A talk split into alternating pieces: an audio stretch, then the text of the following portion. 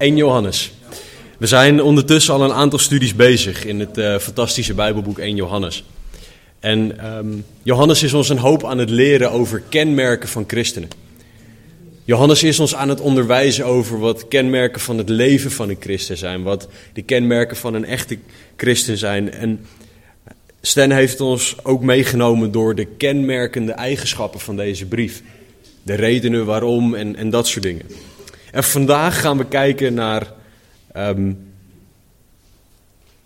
iets wat best wel lastig is misschien. We gaan kijken naar kenmerken van neppe christenen ten opzichte van echte christenen. We gaan vandaag over onderwerpen horen die uh, Taco en Sergio interessant vinden, de antichrist. Dus dat wordt, uh, dat wordt heel gezellig. Um, maar dat, dat heeft een doel dat Johannes dit gebruikt. Het, is, het heeft een doel dat Johannes deze toch soms wel redelijk heftige woorden gebruikt om te spreken tot ons. Johannes gaat dingen heel duidelijk neerzetten. Gevoelsmatig, misschien zelfs wel kniehoog. Dat hij er gewoon keihard invliegt. Maar sommige dingen moeten gewoon heel duidelijk neergezet worden, zodat we weten waar het over gaat.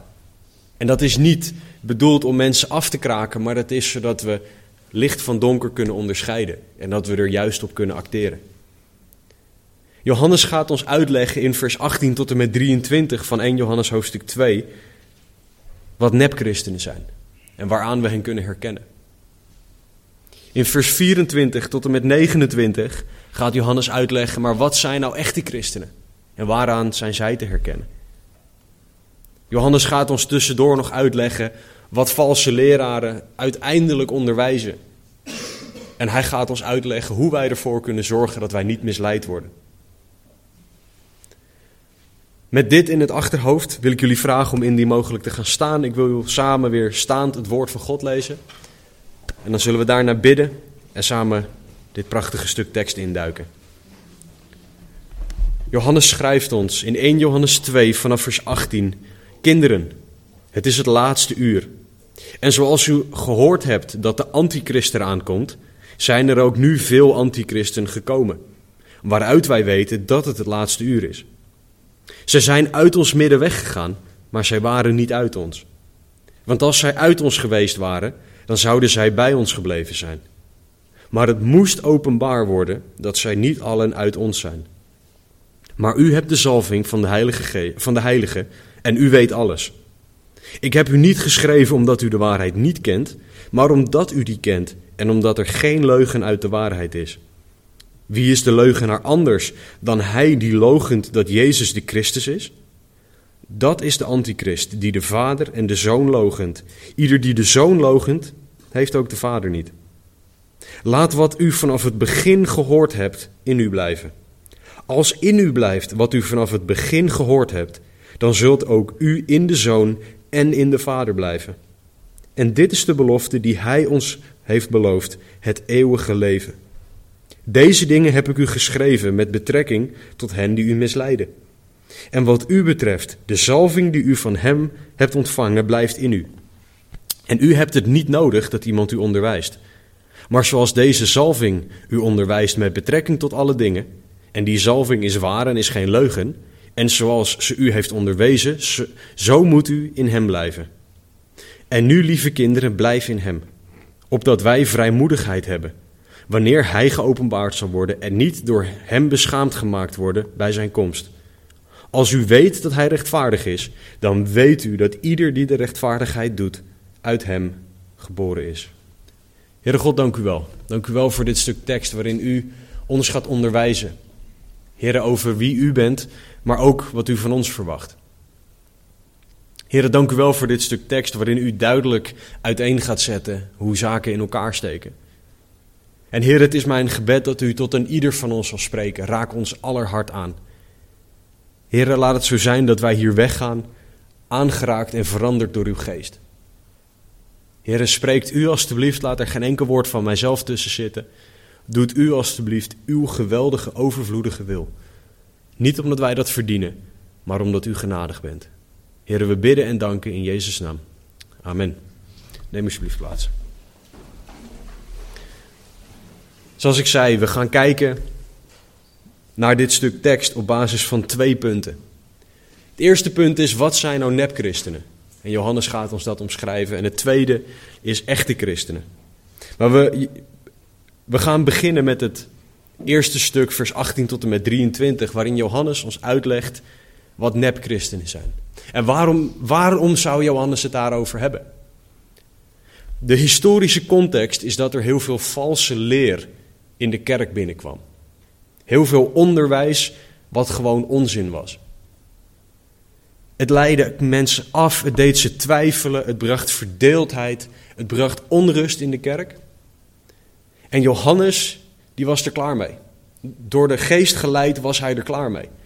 En hij gaat nu uiteenzetten wat wel juist is en wat niet juist is.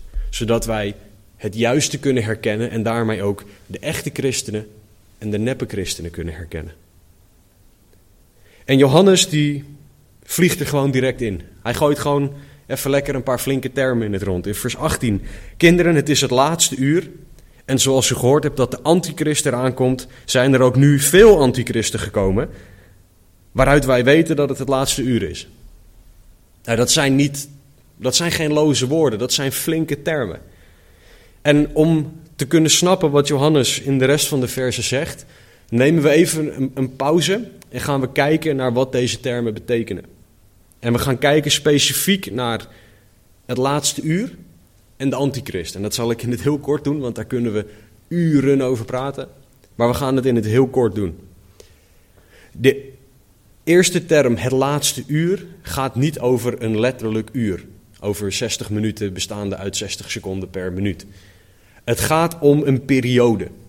Maar het is de periode die het dichtst bij de wederkomst van Jezus Christus zit.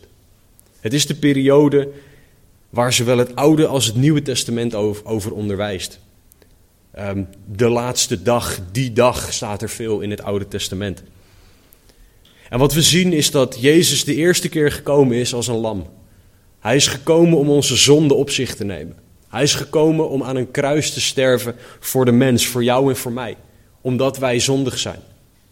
Maar de tweede komst van Jezus is heel anders. Dan komt Jezus niet als een mak lammetje. Hij wordt in de Bijbel ook omschreven als de leeuw van Juda. Als je het verschil vergelijkt tussen een lief, klein, schattig mak lammetje en een brullende leeuw, dan mogen wij heel blij zijn dat hij ten eerste gekomen is als het lam.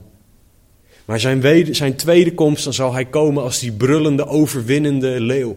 De koning van de dieren, zoals hij ook wel genoemd wordt.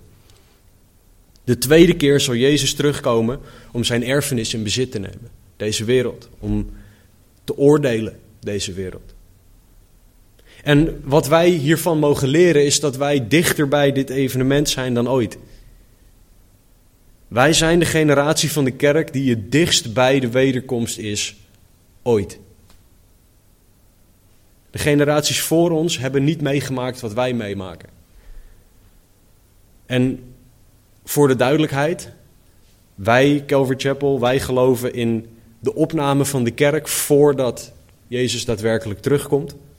Maar als we kijken naar de profetische kalender, alle profetieën, alle voorspellingen die God in het Oude Testament gedaan heeft, hoeft er niks meer te gebeuren voordat al deze dingen kunnen gaan gebeuren.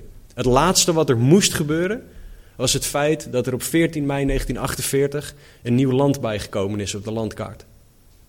Het land Israël. Dat was het laatste wat er moest gebeuren. En dat is nu bijna 70 jaar geleden.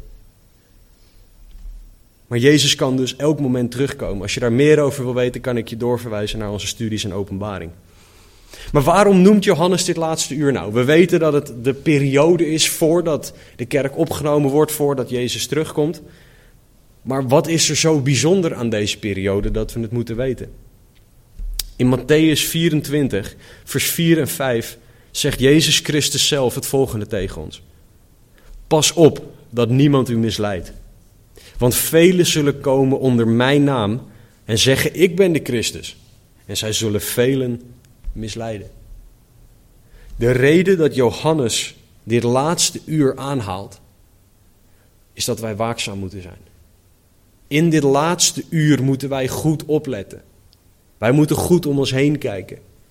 En daarmee bedoelt Johannes niet dat we alleen maar om ons heen moeten kijken, maar we moeten goed opletten. We moeten Goed opletten op wat we horen, op wat we zien, maar vooral op wat we geloven. Komt ons geloof overeen met Jezus zelf? Komt ons geloof overeen met wat ooggetuigen gezegd hebben, zoals Johannes? Valse leraren waren er veel in de kerk en zijn er vandaag de dag ook veel.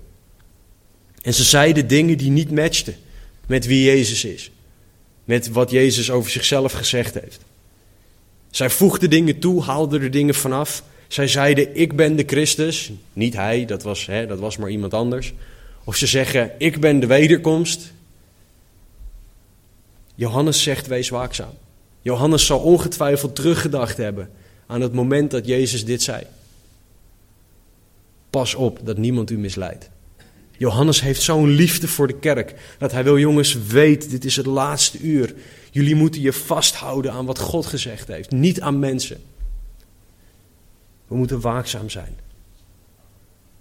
En zeker zegt Johannes dat, zoals zij gehoord hebben, de antichrist eraan komt. Het woord antichrist bestaat, is een Grieks woord, bestaat uit twee delen. Anti en Christus. Ligt vrij voor de hand, maar wat, het betekent niet wat wij denken. Anti zien wij vaak als tegen. Dan zou je het idee kunnen krijgen dat je de antichrist hebt die gelijk is aan Jezus en lijnrecht tegenover Jezus staat. Maar dat is niet zo. Want de antichrist is schepping, Jezus is schepper.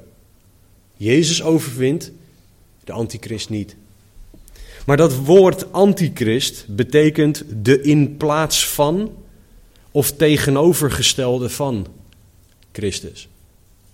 En dat komt erop neer dat de antichrist zichzelf op de plek van Christus zal zetten.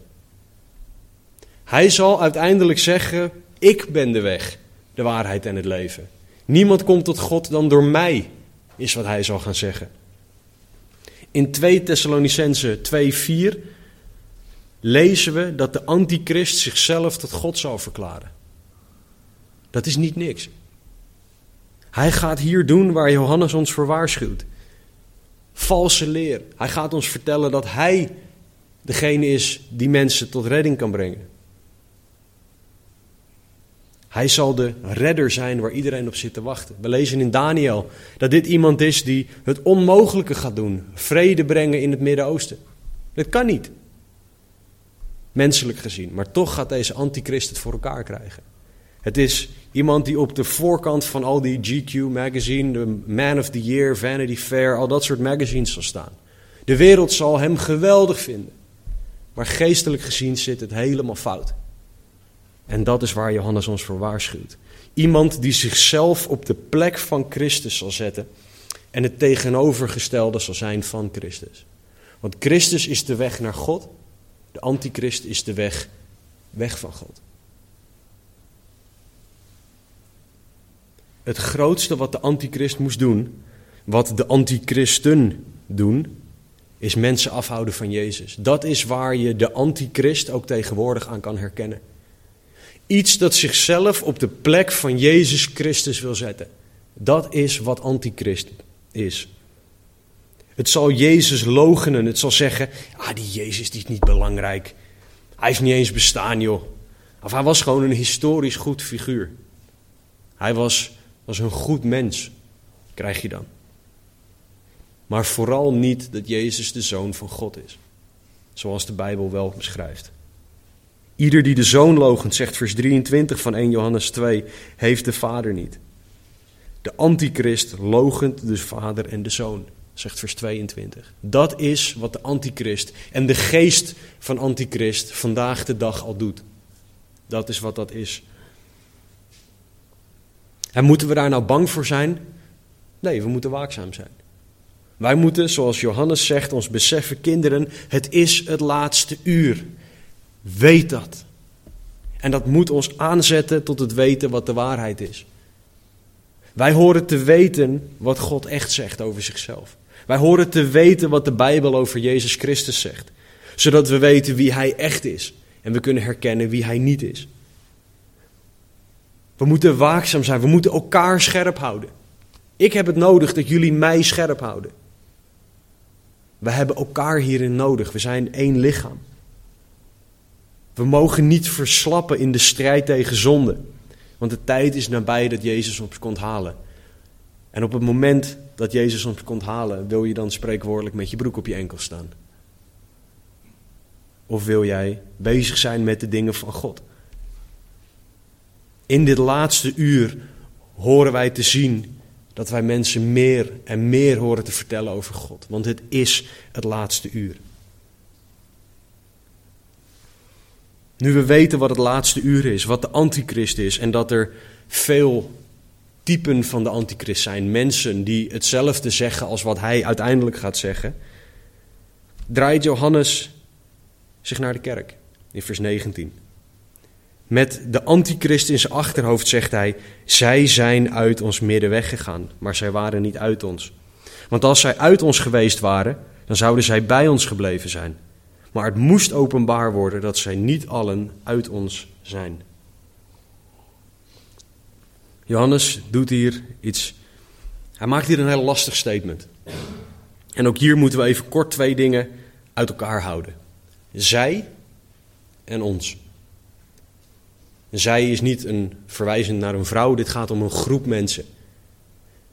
Dit is hunnie versus ons. Dat is het idee. En Johannes zegt, zij, die antichrist, en die luisteren naar de antichrist, zijn uit ons, de kerk, midden weggegaan. Want zij, antichrist en volgelingen, waren niet uit ons. Ze waren geen echt onderdeel van ons.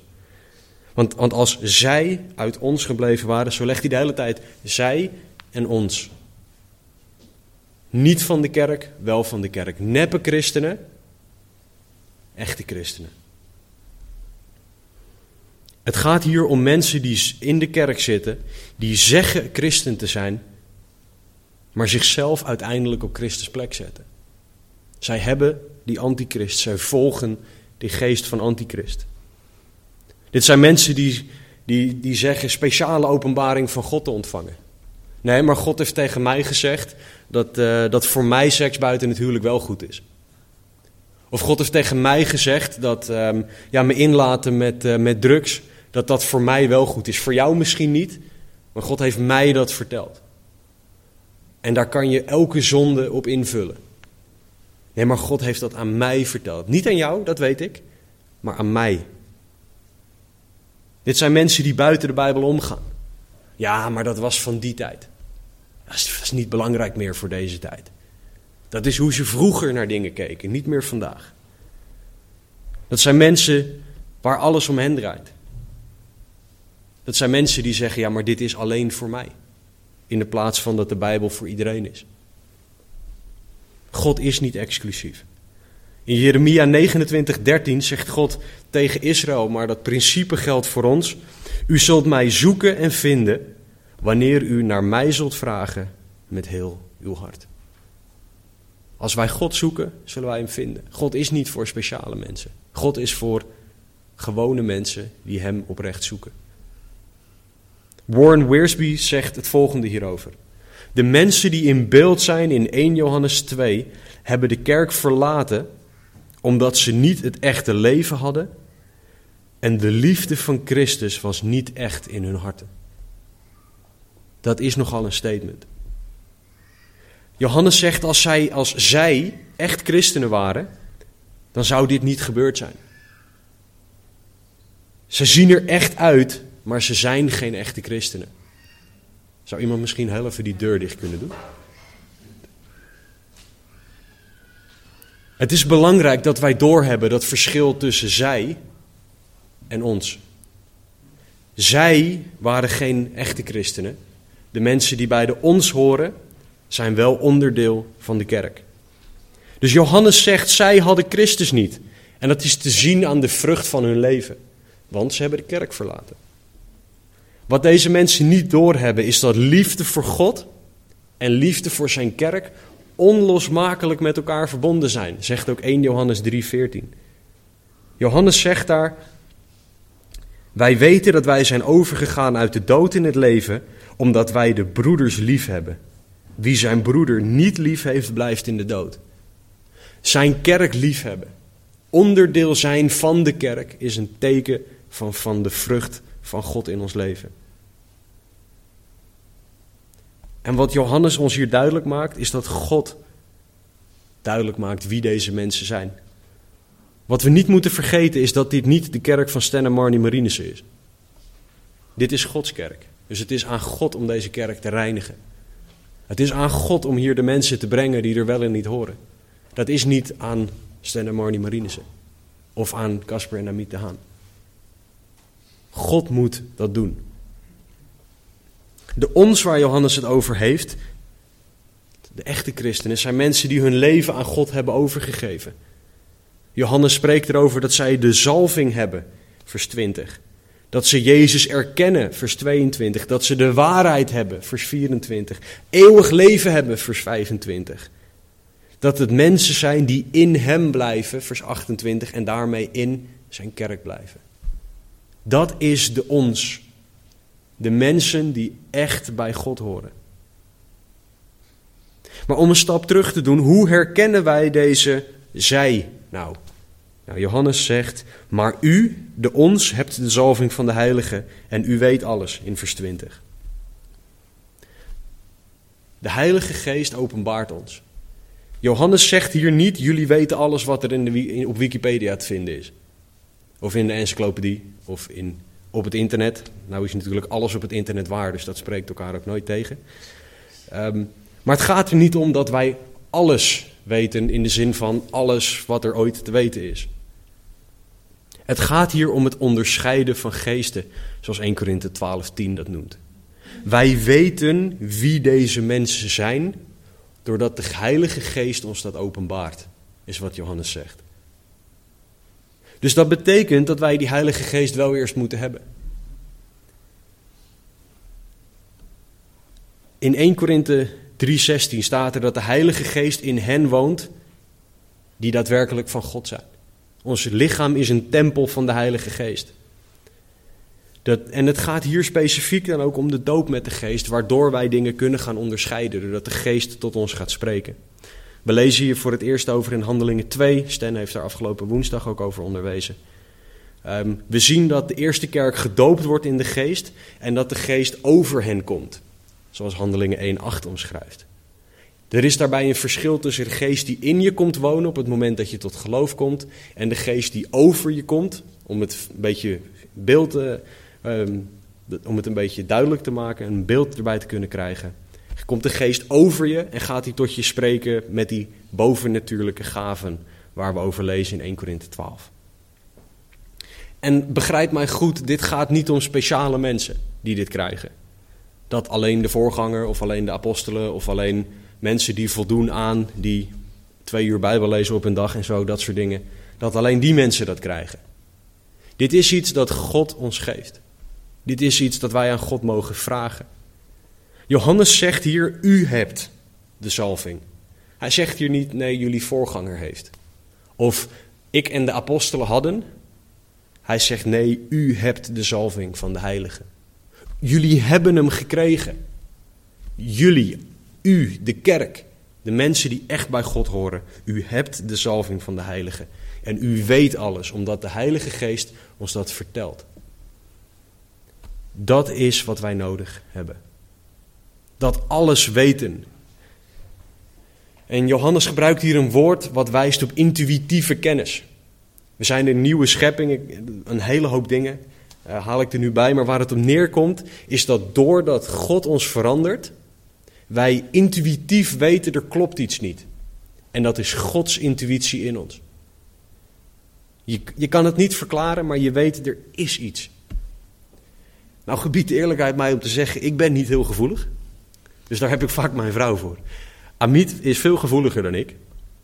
Dus als Amit een, een, een slecht gevoel bij iemand heeft, dan probeer ik daar heel goed naar te luisteren begrijp me niet verkeerd. Het is niet dat Amit bij jullie allemaal een slecht gevoel heeft of zo. En dat ik daarom jullie raar ga behandelen. Dat is niet wat ik probeer te zeggen. Maar op het moment dat dat gebeurt. Wat, wat lachen jullie nou? op het moment dat dat gebeurt, mocht Amit dat gevoel krijgen dat de Heer tot haar spreekt. Dan wil ik daar naar luisteren, omdat God ook door mijn vrouw tot mij kan spreken.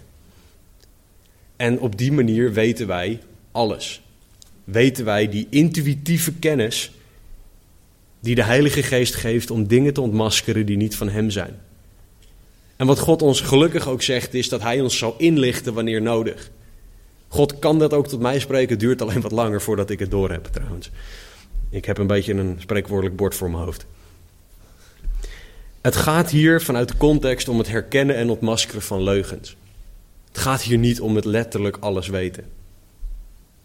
En Johannes' doel is dat zijn lieve kinderen de waarheid kennen en dat ze daarin blijven wandelen. Hij zegt: Ik heb u niet geschreven omdat u de waarheid niet kent, vers 21, maar omdat u die kent en omdat er geen leugen uit de waarheid is. Dus hij wil waarheid van leugen scheiden.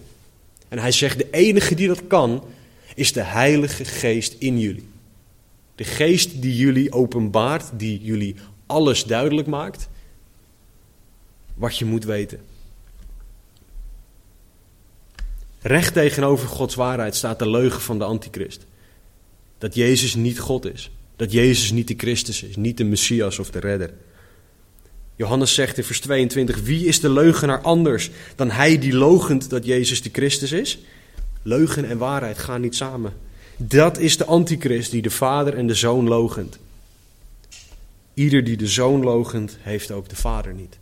Dus Johannes zegt op het moment dat, je, dat iemand vasthoudt aan die leugen en die leugen onderwijst, als iemand een leven heeft waar die leugen in centraal staat, dan heeft die persoon de Vader niet. Vandaar dat ik zei, Johannes vliegt er kniehoog in. Hij zegt, zo is het. Of je hebt Jezus en daarmee de Vader, of je hebt Jezus niet en daarmee de Vader niet. Het is zwart of het is wit. Licht of donker. Er is geen grijs. Je hebt het of je hebt het niet. En hoe krijg je dat nou? nou? Je mag het aan God vragen. Het is aan ons om waakzaam te zijn op het moment dat wij God in ons leven hebben. Wij moeten, voor zover dat aan ons ligt, zelf ons best doen om dicht bij God te blijven. Dus in zijn woord blijven, Bijbel lezen en aan God vragen: Heer, houd u mij dichtbij, want ik kan het zelf niet. Het is iets waarin wij afhankelijk zijn. Wij horen God te vragen om ons elke dag opnieuw te vullen met zijn geest, zoals Efeze 5 onderwijst, zodat we Hem kunnen dienen zoals Hij dat wil. En God zal ons dan openbaren wie de nepchristenen zijn, wat de waarheid is en ook wat de leugen is. Maar daarin moeten wij afhankelijk zijn van Gods geest. Moeten wij dat aan Hem vragen, want Hij is degene die spreekt. Dus de, de nepchristen, de christen die de antichrist volgt, die de geest van antichrist volgt, zal uiteindelijk erop uitkomen dat Jezus niet de Christus is. Dat Jezus niet de zoon van God is. Dat Jezus niet echt God is. Daaraan kan je dat uiteindelijk allemaal herkennen. Tegenover die groep mensen staat het tweede punt dat Johannes vandaag wil maken, de echte christen. Vers 24 tot en met 29. Dit zijn mensen die niet vol zijn van de leugen,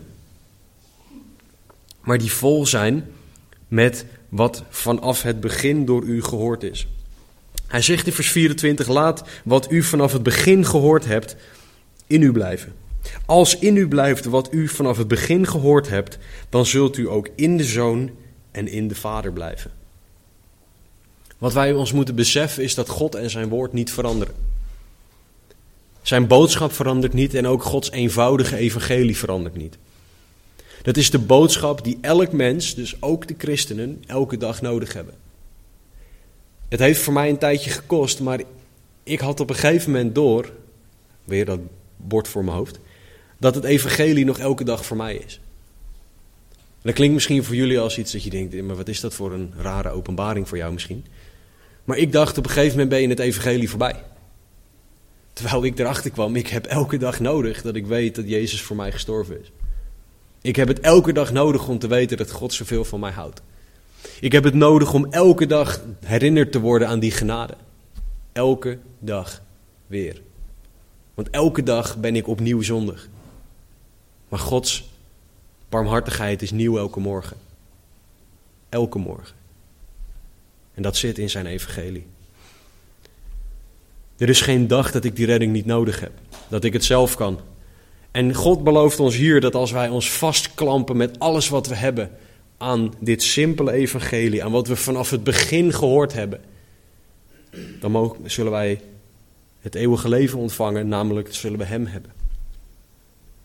En Johannes zegt, in Hem blijven betekent een belofte. Hij zegt in vers 25, dit is de belofte die Hij ons heeft beloofd, het eeuwige leven.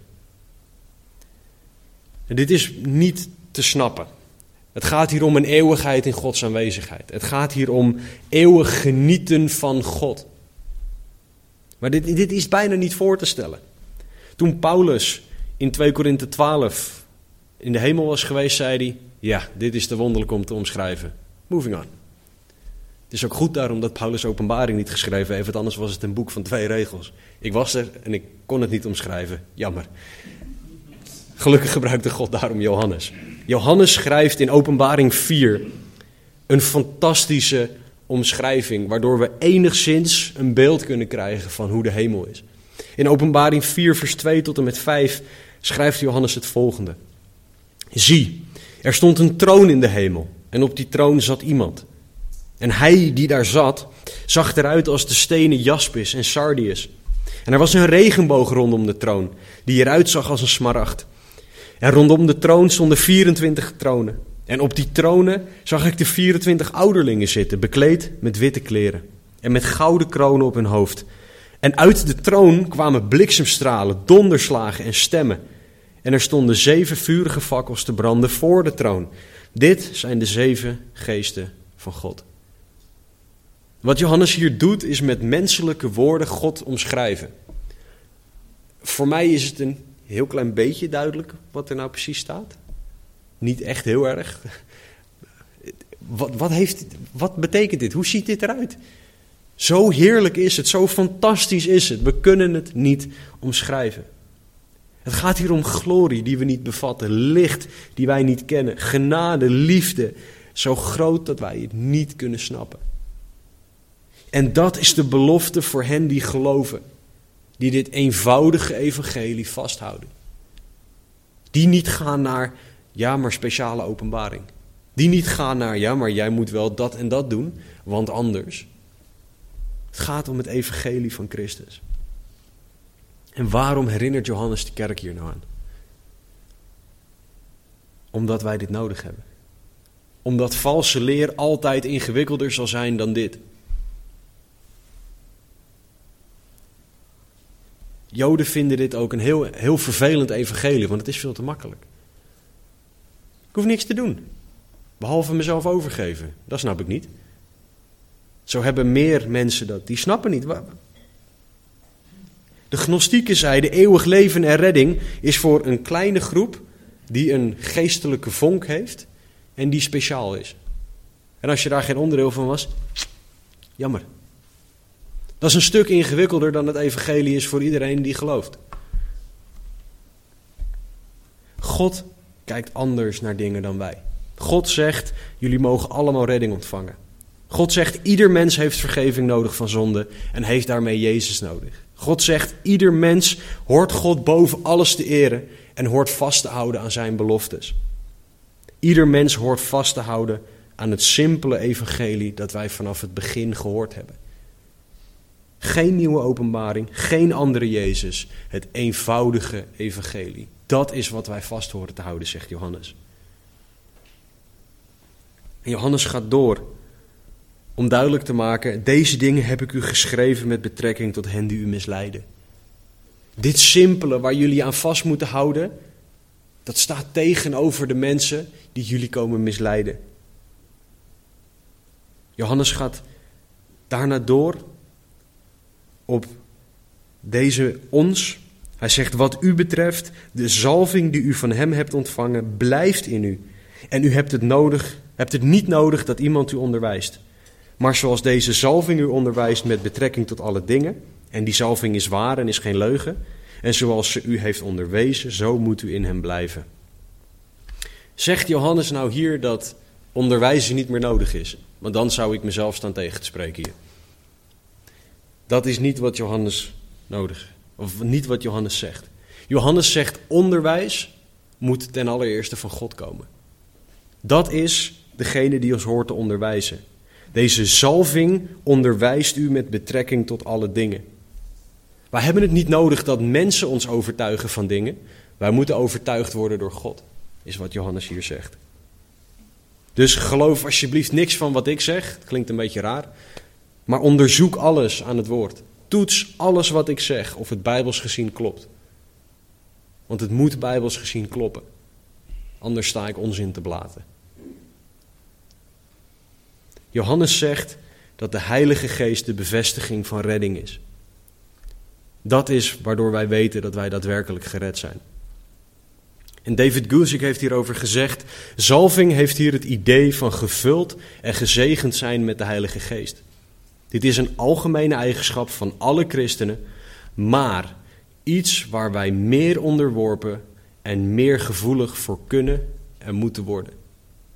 Dus de stem van de Heilige Geest kunnen wij meer en meer onderworpen aan worden.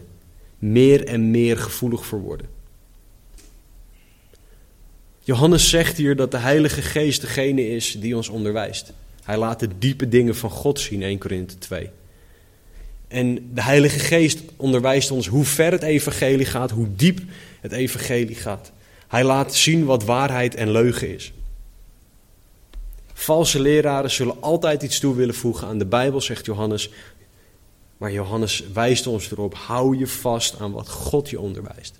Aan wat Gods woord zegt, niks extra's. En aan ons is de oproep dan om in Hem te blijven. Dat is wat Johannes tegen de kerk zegt. Dat wij ons leven aan God blijven geven. Dat Hij de leidsman is. Dat Hij bepaalt en niet ik. Wij horen actief zijn woord te lezen en Hem te vragen om het uit te leggen. Actief horen wij te bidden en Hem te vragen om ons te leiden. En dat allemaal onder de leiding van Gods geest, waardoor wij meer gehoorzaam worden aan het woord van God. Niet aan mensen, maar aan Gods woord. En dit zijn dingen die ik niet zelf kan, die jullie niet zelf kunnen. Dit is waar wij de geest voor nodig hebben. En ook iets wat de nepchristen niet zal en nooit zal kunnen doen. Dit is Gods werk in ons. En dit is dus een onderscheidend kenmerk van een echte christen. De Heilige Geest leidt hem of haar. Het is het werk van de Geest. Johannes zegt: En nu, lieve kinderen, blijf in hem, opdat wij vrijmoedigheid hebben, wanneer hij geopenbaard zal worden, en niet door hem beschaamd gemaakt worden bij zijn komst. In hem mogen wij vrijmoedigheid hebben. Vrijmoedigheid om te spreken, om vertrouwen op hem te hebben zonder angst. Wat wij mogen en horen te hebben, is vrijmoedigheid van God. Door deze zalving. Ik kan mensen niet overtuigen van God. Dat moet God door mij heen doen. Dus om de grote opdracht, ga heen, maak discipelen van alle volken. Hen onderwijzend al de dingen die ik u gezegd heb, hen dopend in de naam van de Vader, de Zoon en de Heilige Geest. Om dat te kunnen doen, heb ik de Geest nodig. Hij is degene die vrijmoedigheid geeft. Hij is het die overtuigt. Johannes' uitdaging is om niet beschaamd te zijn bij de openbaring van Jezus. Waarom zei hij dat? Nou, omdat toen ook al te veel christenen bang zijn om over hun geloof te praten. Te veel christenen zijn vandaag de dag komen er niet voor uit dat ze christen zijn. Te veel christenen leven niet naar Gods standaard. Die zeggen het een, maar doen iets heel anders. Woord en daad komen niet overeen. En dat is niet hoe God het bedoeld heeft. God wil dat wij vrolijke moed hebben. Dat betekent dat woord vrijmoedigheid. Vertrouwen zonder angst. En dat wij mensen vertellen over wie Hij is. Jezus zette het in Matthäus 7 zo neer. Hij zegt: Er zullen velen zijn die mij met Here, Here aanspreken, maar niet de hemel in zullen gaan. Dat zij, zij zijn onderdeel van die zij, die groep nepchristenen die niet hun leven overgegeven hebben. Ze hebben uiterlijk alle goede dingen, ze hebben alle goede woorden, maar ze hebben hun hart niet aan Jezus gegeven. Een uitdaging voor ons, de kerk, is om voor Jezus te leven, om Jezus te verkondigen, te vertrouwen dat Hij alles onder controle heeft. Wij horen niet alleen te geloven, maar wij horen continu aan Hem onderworpen te zijn en te blijven. Wat ik nu ga zeggen klinkt misschien heel raar, maar één keer het zondaarsgebed bidden is niet per se wat leven geeft, wat eeuwig leven geeft. Er zijn zat mensen die uit een bepaalde vorm van groepsdruk het zondaarsgebed bidden. Een gebed waarbij mensen zeggen: Heer, vergeef mij, Heer, ik ben een zondaar. Het is heel goed om dat te bidden, want het klopt, wij zijn zondaren. Het klopt dat wij vergeving nodig hebben. Maar op het moment dat wij die dingen bidden naar God zonder dat ons hart erin is, dat zijn het lege woorden. Ons leven overgeven aan God is wat eeuwig leven geeft. Johannes zegt: als wij bij God zijn, als wij in Hem blijven, dan hebben wij eeuwig leven. In vers 29 zegt Johannes: Als u weet dat Hij rechtvaardig is, dan weet u dat ieder die de rechtvaardigheid doet, uit Hem geboren is. De mensen die van God zijn, die in Hem blijven, die eeuwig leven hebben, zullen geleid door God rechtvaardige daden doen. Dingen die door Gods woord als rechtvaardig gezien worden, niet door de wereld. Het gaat hier niet om een geestelijke vonk, zoals de gnostieke zeiden. Niet om verheven kennis, speciale openbaring, niet om eigen performance. Hoe goed ben ik wel niet? Kijk eens naar mij. God, u mag wel heel blij zijn dat ik onderdeel ben van uw koninkrijk. U hebt het echt getroffen met mij. Zo zijn er heel veel mensen die in de kerk zitten. Het gaat niet daarom. Het gaat om Christus offer. Het gaat om wat Jezus gedaan heeft. Het gaat om het simpele, eenvoudige evangelie. En dat is, de mens is zondig. Ieder mens is zondig. Dus ook jij, ook ik. Het gaat erom dat Jezus perfect leefde, zodat Hij voor onze zonde kon sterven. Zodat Hij de straf kon dragen die wij hadden verdiend. Het gaat erom dat de weg naar de hemel dat offer accepteren is, vergeving vragen en ons leven aan Hem geven. Meer dan dat is het niet. Dat is waar wij ons aan vast moeten houden. Dat is het fundament waar wij ons leven op kunnen bouwen. Mijn vraag aan jou is of jij daarop steunt of op iets anders. Misschien ben je wel heel erg bezig met alle dingen die je zelf goed doet. Of alle dingen die jij zelf aan het opbouwen bent. Of wat die persoon gezegd heeft. Of wat die persoon gezegd heeft. Is jouw leven gebouwd op Jezus Christus? Dan heb jij eeuwig leven. Heb jij jouw leven echt overgegeven aan Hem? Dan heb jij eeuwig leven. We hebben vandaag gekeken naar neppe christenen en echte christenen. We hebben gezien dat neppe christenen zich niet vasthouden aan het simpele evangelie. Het zijn mensen die niet in de kerk blijven en vooral Jezus Christus niet erkennen. Echte christenen daartegenover zijn mensen die in God blijven, gezalfd zijn met de geest van God. Mensen die waakzaam en vrijmoedig zijn om Gods woord te verkondigen onder leiding van zijn geest. Mijn vraag aan jou, op basis van wat Johannes ons leert, is: ben jij een nep-christen of ben jij een echte christen? Zeg jij een christen te zijn terwijl je er niet naar leeft? Terwijl je er niet naar leeft dat Jezus de Zoon van God is? Dat dit het laatste uur is waarin Hij terug kan komen, waarin Hij terug zal komen? Leg je leven dan bij Hem neer. Besef dat je een zondaar bent, dat je iemand bent die God hard nodig heeft. Leg je leven bij Hem neer door in gebed tegen God te zeggen dat je je leven aan Hem wil geven. Dat je om vergeving vraagt en accepteert wat Hij voor jou gedaan heeft. Dat is een zekere en vaste belofte van eeuwig leven die Hij dan voor jou heeft. Misschien geloof je dit al jaren. Misschien is dit iets waar je al 10, 20, 30 jaar in gelooft. Maar heb je misschien nooit de zalving van de geest gehad? Dat de geest op jou komt. Dat is iets waar je vandaag om gebed voor mag vragen. Misschien ben jij afgestapt van het eenvoudige evangelie. Gaat het nu om hoe goed jij het doet? Of om wat die persoon zegt en als die studiebijbel het er niet mee eens is? Misschien heb jij dingen ingewikkelder gemaakt dan dat ze horen te zijn. Ook vandaag mag jij terugkomen bij God. Terug naar het eenvoudige evangelie. Misschien besef je niet dat dit het laatste uur is. En heb je geen bewogenheid voor de wereld om ons heen die luistert naar antichrist. Ook dat mag je in gebed bij hem neerleggen. Keer terug naar hem vandaag. Zij het voor het eerst, zij het voor de zoveelste keer. Maar leg je leven bij hem neer vandaag. Laten we bidden. Heere God, dank u wel. Dank u wel dat u zo duidelijk bent. Dank u wel dat u in uw woord aangeeft hoe dingen echt in elkaar zitten. Dank u wel dat u er nooit